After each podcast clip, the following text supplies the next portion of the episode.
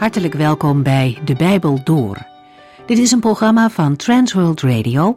U kunt ons ook vinden op internet www.transworldradio.nl.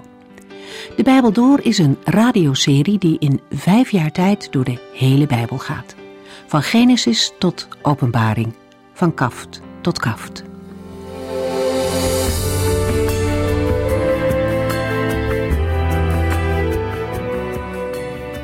De vorige keer begonnen we met het woordje vriendelijkheid.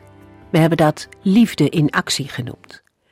Paulus schrijft in 1 Thessalonicense in het tweede hoofdstuk dat hij de mensen, de gemeente behandelde met de vriendelijkheid en de zachtheid van een moeder. Vriendelijkheid strekt zich uit naar een ander. Het zit niet altijd in grote dingen.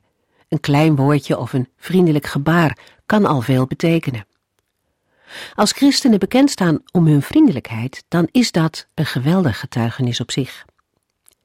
Aan de Filippenzen schrijft Paulus: Laat uw vriendelijkheid bij alle mensen bekend zijn. Hij voegt eraan toe dat de Heer dichtbij is. Dat is een mooie aanmoediging, maar ook een bemoediging om vriendelijk te zijn in situaties waarin dat niet zo makkelijk is. Want ook dan is de Heer namelijk dichtbij. De band tussen Paulus en de Thessalonicenzen was sterk. De apostel schrijft dat zij zoveel van de gemeente hielden dat ze zelfs hun leven wel hadden willen geven voor deze nieuwe gelovigen. En in hun tijd was dat niet iets wat je zomaar zei, hun levens waren werkelijk in gevaar. Dat geldt voor ons niet, maar we mogen wel het voorbeeld van deze apostel ter harte nemen en ons leven inzetten voor onze medechristenen, op welke manier dan ook. Het is mooi om vers 13 nog even in herinnering te brengen, waar we lezen dat de Thessalonicenzen het woord wat Paulus sprak aannamen als woorden van God. Ze waren zich ervan bewust dat het niet om mensenwoorden ging. De woorden van God veranderden hun levens. En het woord van God ligt om ons heen ook onder vuur. Mensen bepalen soms zelf wat ze wel of niet willen horen, wat ze wel of niet willen aannemen. Maar de Bijbel is echter geen mensenboek. Het gaat om de woorden van de Allerhoogste God. En als zodanig mogen we, moeten we ze lezen en meenemen in ons leven. We gaan verder met 1 Thessalonicense hoofdstuk 2 vanaf vers 14.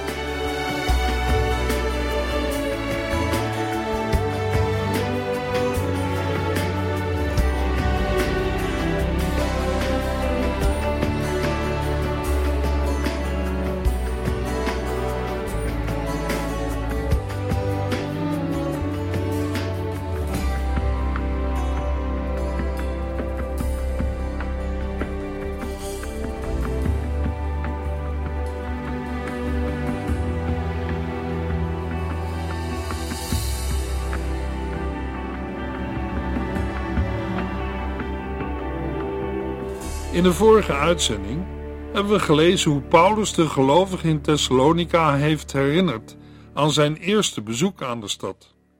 In vers 9 memoreerde de apostel de inspanningen van hemzelf en zijn medewerkers. Dag en nacht zijn we in de weer geweest. Terwijl we u het goede nieuws van God brachten, zijn wij niemand tot last geweest. We hebben ons eigen brood verdiend. In vers 11 wijst Paulus op de band die er tussen hem en de gemeente is ontstaan. Paulus schrijft: U weet toch hoe wij met een ieder van u hebben gesproken als een vader met zijn kinderen. In vers 7 had de apostel al gezegd dat hij en zijn medewerkers zacht en vriendelijk voor hen waren geweest, als een moeder voor haar kinderen. Paulus schrijft in 1 Thessalonicense 2 vers 12: Wij hebben u getroost en bemoedigd en er bij u op aangedrongen waardig te leven tot eer van God, tot eer van Hem die u heeft uitgenodigd in zijn koninkrijk, om zijn heerlijkheid te delen. In vers 13 geeft Paulus een blijvend dankpunt aan. Hij schrijft aan de gelovigen van Thessalonica: Hiervoor zullen wij God altijd blijven danken. Toen u van ons het woord van God hoorde, was dat voor u geen nieuws van mensen, maar van God. U hebt het aangenomen voor wat het was: een boodschap van God. En die boodschap heeft een geweldige invloed op u die erin gelooft. De gemeente van Thessalonica weet dat de predikers het woord niet zelf hebben bedacht. Zij kwamen met Gods woord. De verkondiging van het woord van God roept altijd reactie op. In Jesaja 55 vers 10 en 11 zegt de Heere over zijn woord. Zoals de regen en de sneeuw vanuit de hemel naar beneden komen en op de grond blijven liggen om de aarde water te geven, het koren te laten groeien, zaad voor de boer en eten voor de hongerigen te produceren, zo is mijn woord ook. Ik stuur het uit en het levert altijd vrucht op. Het doet alles wat ik wil en bereikt datgene waarvoor ik het wegstuur. Paulus dankt voor de Thessalonicenzen die het woord van God hebben aangenomen, waardoor hun leven radicaal veranderde. Maar er waren ook andere reacties van mensen die niet zo positief reageerden op de verkondiging van het evangelie. En dat is vandaag nog steeds zo. 1 Thessalonicense 2 vers 14 U overkwam hetzelfde, vrienden, als de christenen in Judea. U kreeg het zwaar te verduren van uw landgenoten, net als zij van de Joden. Dat niet iedereen blij was met de verkondiging van het evangelie, blijkt uit de dingen die de gelovigen na hun verandering overkwam. Paulus schrijft: U kreeg het zwaar te verduren van uw landgenoten, net als zij van de Joden. Toen Paulus en zijn medewerkers Thessalonica nog niet hadden bezocht, was er in de stad geen sprake van christenen die werden vervolgd, maar daarna wel. De Thessalonicenzen moeten vervolgingen doorstaan.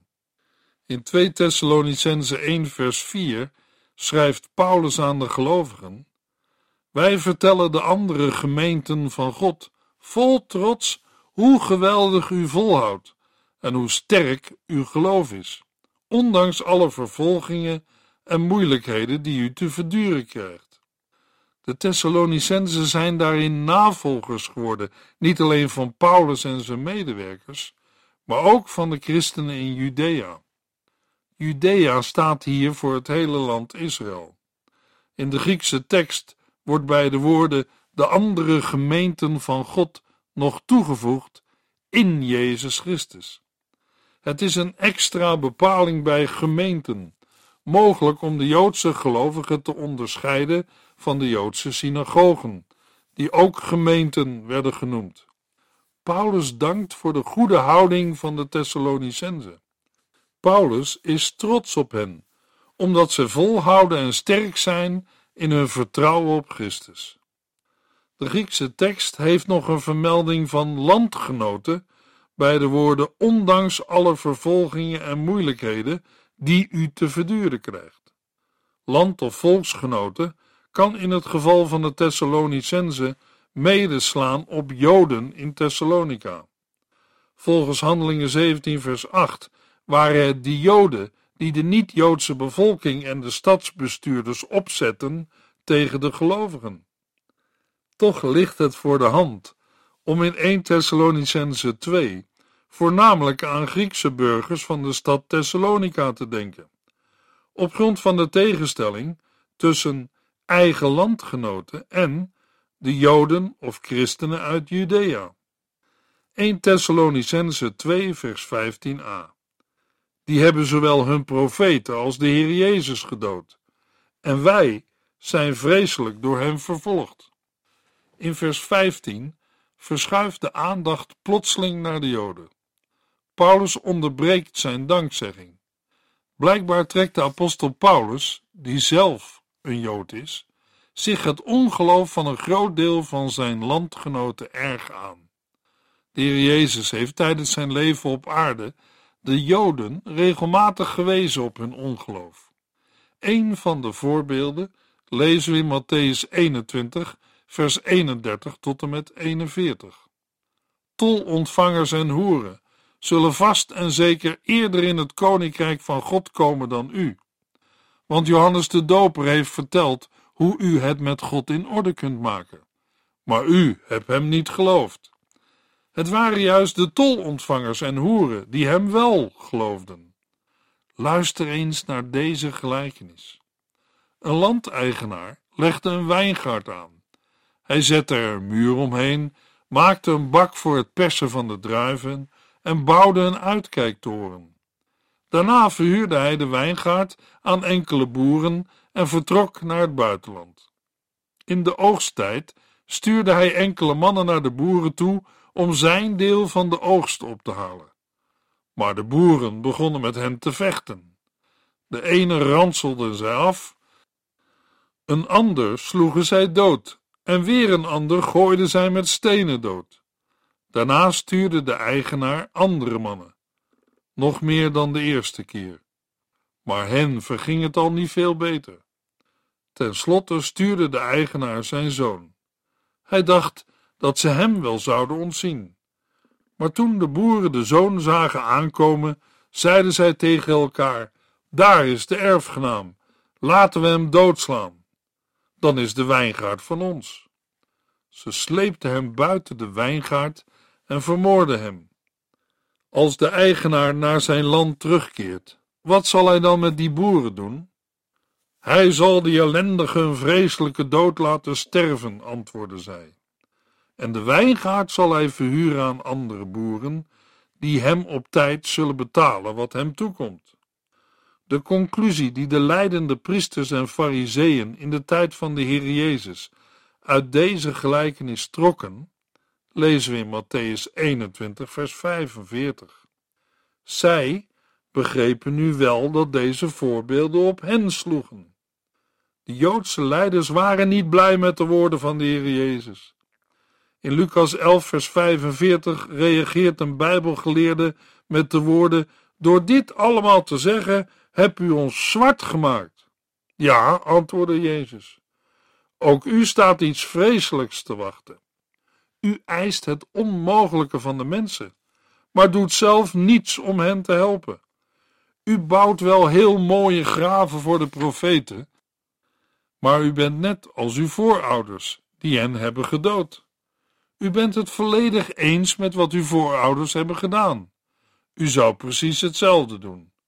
God zegt over u: Ik zal hen profeten en apostelen sturen, maar ze zullen sommigen van hen vermoorden en anderen wegjagen.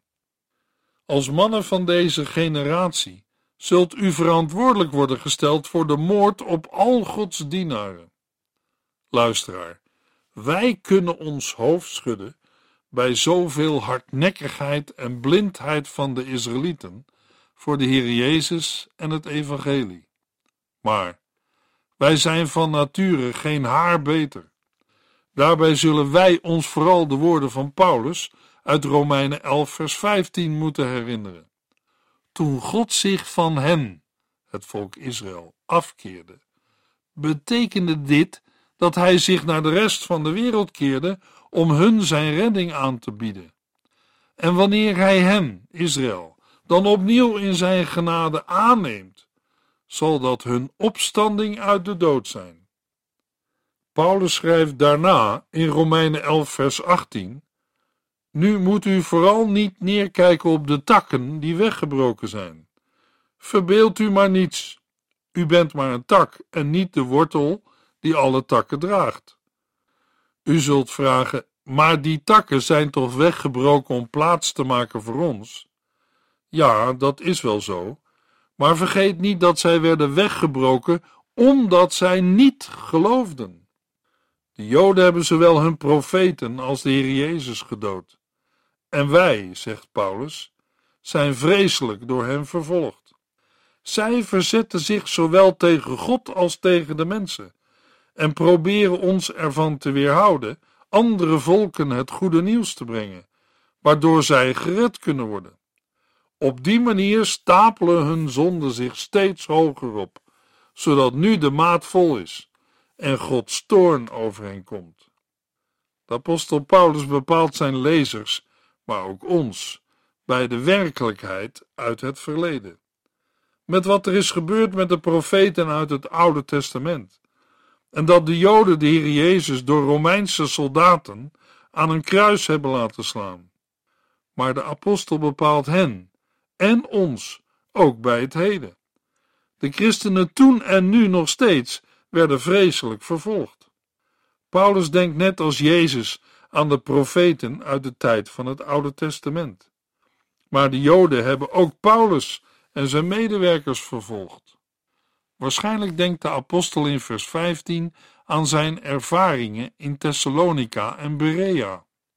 Ook vandaag is er een ranglijst met namen van landen waar christenen vervolgd worden om hun geloof in Jezus Christus. Laten wij voor hen blijven bidden en bid ook voor hun vervolgers. Velen beseffen niet wat zij doen. Ook zij hebben de Heer Jezus Christus nodig als heiland en verlosser.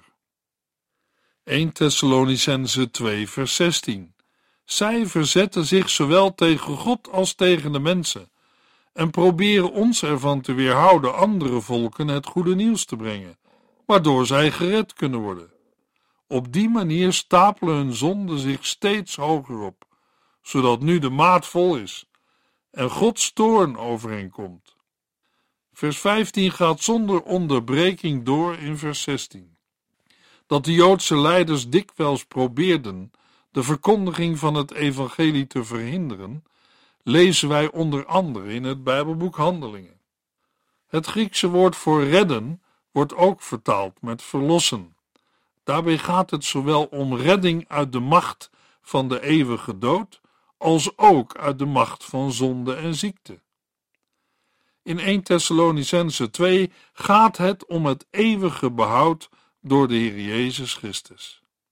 De weerstand tegen de verkondiging van het evangelie en de vervolging van christenen heeft voor de vervolgers tot gevolg dat hun zonden zich steeds hoger opstapelen, zodat nu de maat vol is en Gods toorn over hen komt. Ook de Heer Jezus sprak hierover in Matthäus 23. De Joden die niet in hem geloofden, zouden een bepaalde maat aan zonde volmaken. Daarna treft hen het oordeel van de Heere. Al in het Oude Testament hebben we gelezen dat er een moment kan komen dat de Heere zijn toorn niet langer kan inhouden en er geen hoop meer is op herstel. Dan is de maat vol en zal Gods toorn de overtreders treffen. In de context van 1 Thessalonicense 2 is de toorn van God het oordeel dat over de Joden is gekomen door het afwijzen van de Heer Jezus en de apostelen. Dat oordeel is uitgelopen op de verwoesting van Jeruzalem en de tempel en houdt in dat het volk tijdelijk door de Heer is verlaten. De toorn van God is hier ook de corrigerende handeling van de Heer om zijn volk weer bij hem terug te brengen.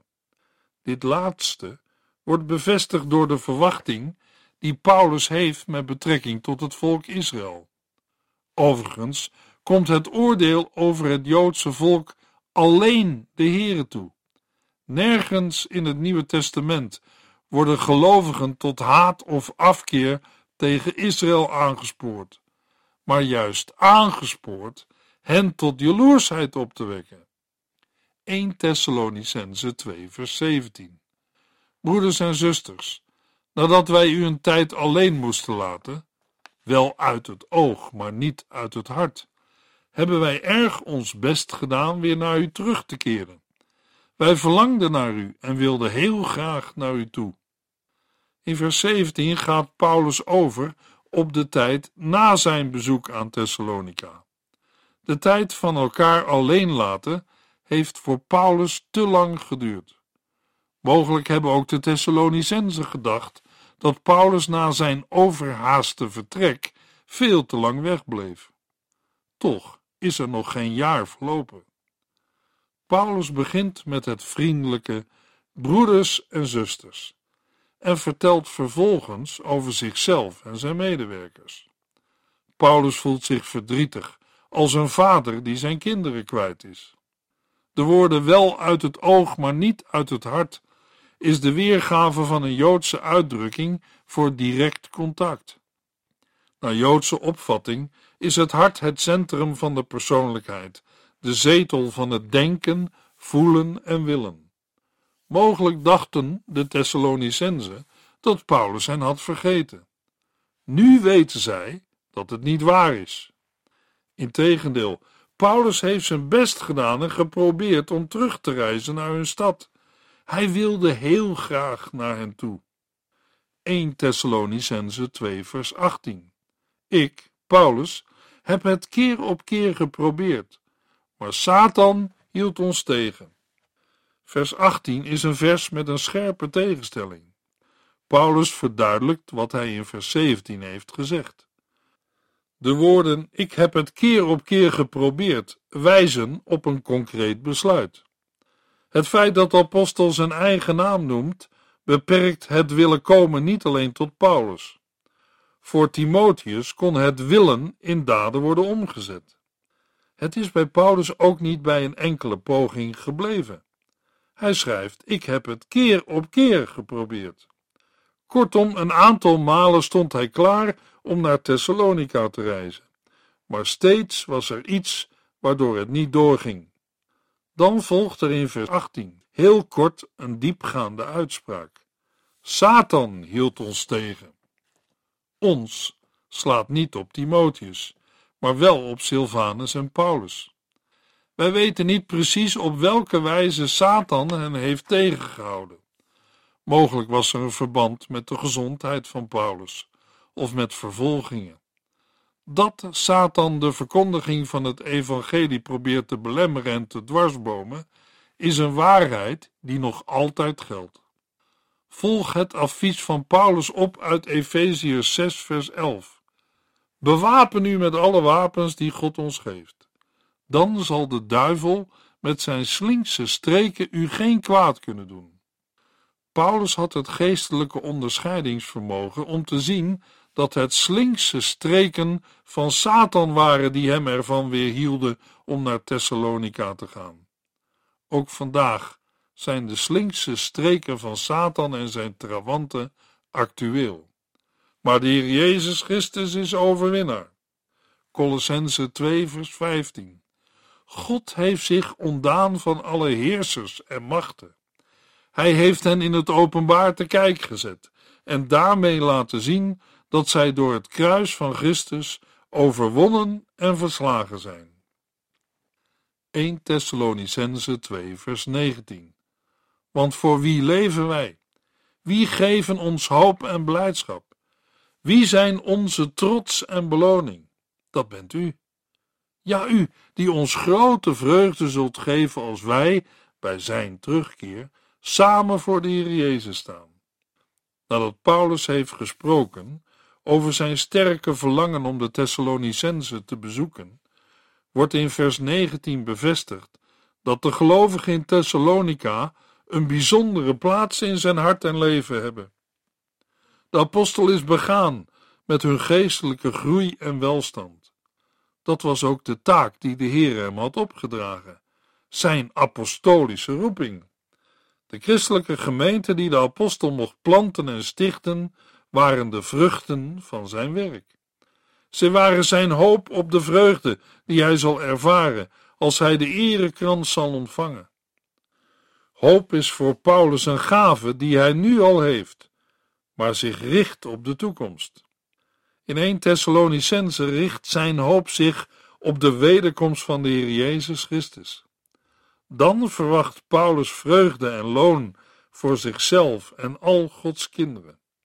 De apostel drukt het uit met het beeld van een lauwerkrans, die een winnaar van een atletiekwedstrijd ontving. Paulus is niet de enige die over een beloning, kroon of krans spreekt.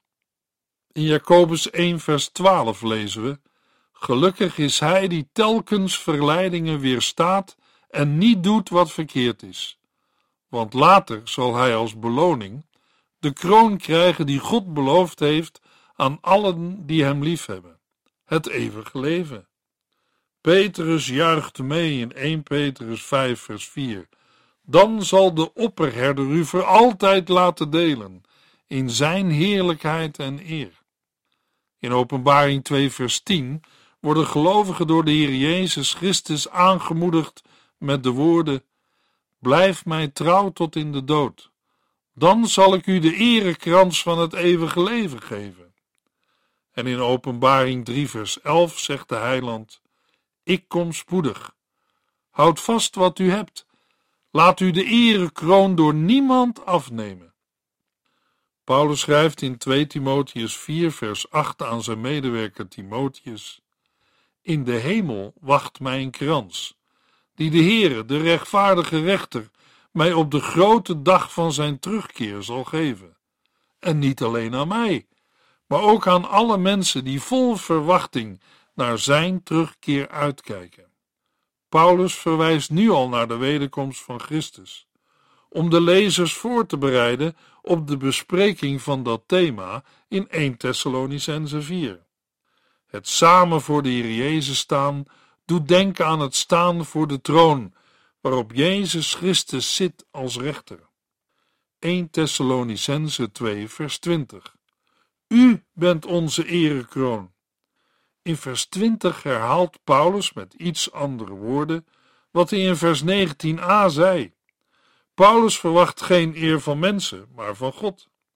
De vorm van het werkwoord zijn geeft de woorden U bent onze erekroon een algemene, tijdloze geldigheid.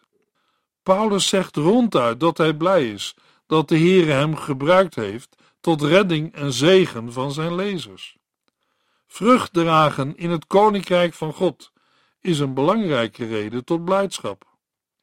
De Heer Jezus zegt in Johannes 15, vers 16 en 17: Jullie hebben niet mij uitgekozen, maar ik heb jullie uitgekozen. Ik heb jullie aangewezen om erop uit te gaan en blijvende vrucht voor te brengen, zodat mijn Vader jullie alles zal geven wat jullie hem vragen in mijn naam. Ik draag jullie op van elkaar te houden. Luisteraar, zullen we aan het einde van deze uitzending samen het Onze Vader bidden? Onze Vader, die in de hemelen zijt, uw naam worden geheiligd, uw koninkrijk komen, uw wil geschieden, gelijk in de hemel, alzo ook op de aarde. Geef ons heden ons dagelijks brood en vergeef ons onze schulden gelijk ook wij vergeven onze schuldenaren. En leid ons niet in verzoeking, maar verlos ons van de boze. Want van u is het koninkrijk en de kracht en de heerlijkheid, tot in eeuwigheid. Amen. In de volgende uitzending lezen we 1 Thessalonicense 3, vers 1 tot en met 13.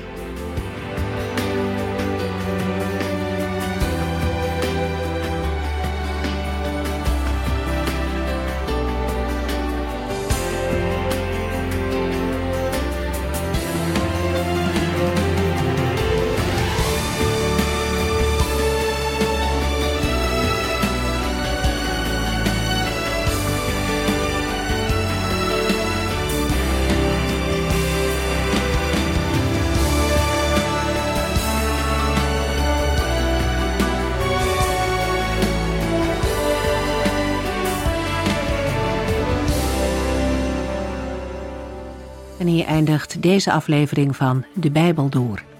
Een serie programma's van Transworld Radio.